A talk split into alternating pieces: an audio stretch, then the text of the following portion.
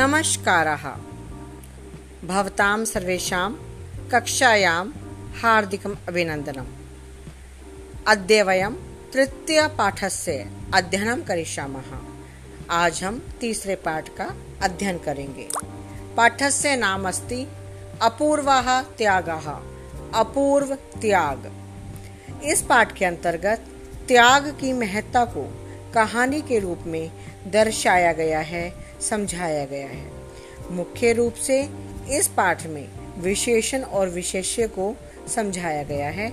इनका प्रयोग किया गया है। विशेषण, जो विशेषता बताते हैं, उन्हें हम विशेषण के नाम से जानते हैं। विशेष्य, जिसकी विशेषता बताते हैं, वह विशेष्य कहलाता है। तो चलिए अब चलते हैं पाठ की तरफ़। महाराणा संग्राम सिंह, देवलोकम अगच्छत। महाराणा संग्राम सिंह, देवलोक चले गए। तस्य पुत्रः, उनका पुत्र उदय सिंह अधुना शिशुरेव आसीत। अभी शिशु ही था।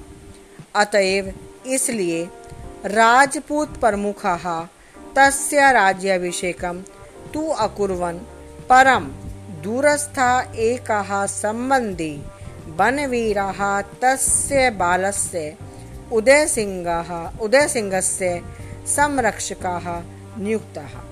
परंतु दूर स्थित एक संबंधी, इसलिए राजपूत में प्रमुख, उनका राज्याभिषेक तो किया, परंतु दूर स्थित एक संबंधी बनवीर, उस बालक उदय सिंह का संरक्षक नियुक्त किया गया। बालक निरपस्य पालन पोषणम पन्ना नाम एका धात्री करोति स्म। बालक राजा का पालन पोषण पन्ना नाम की एक आया करती थी।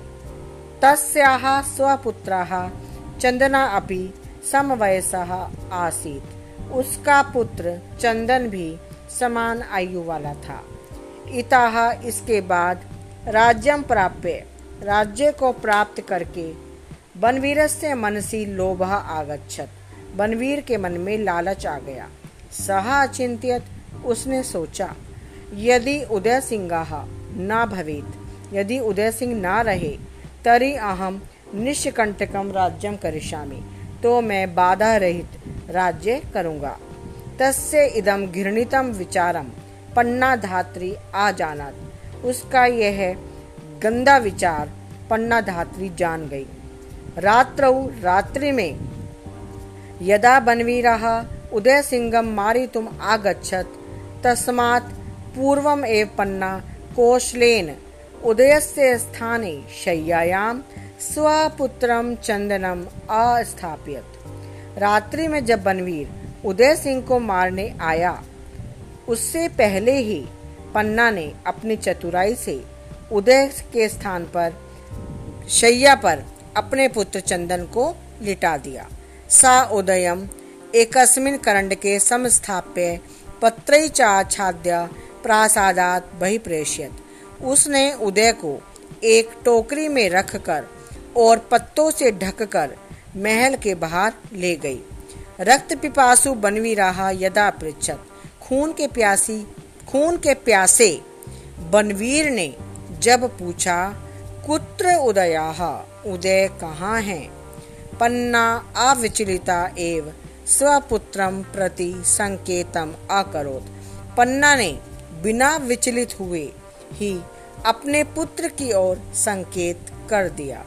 अग्रेव शनि अगले ही पल चंदनस्य मस्तका चंदन का मस्तक तलवार से छिन्ना भवत छिन्न हो गया, यानी कि उसने उसका मस्तक काट दिया। स्वामीनम रक्षितुम पन्ना।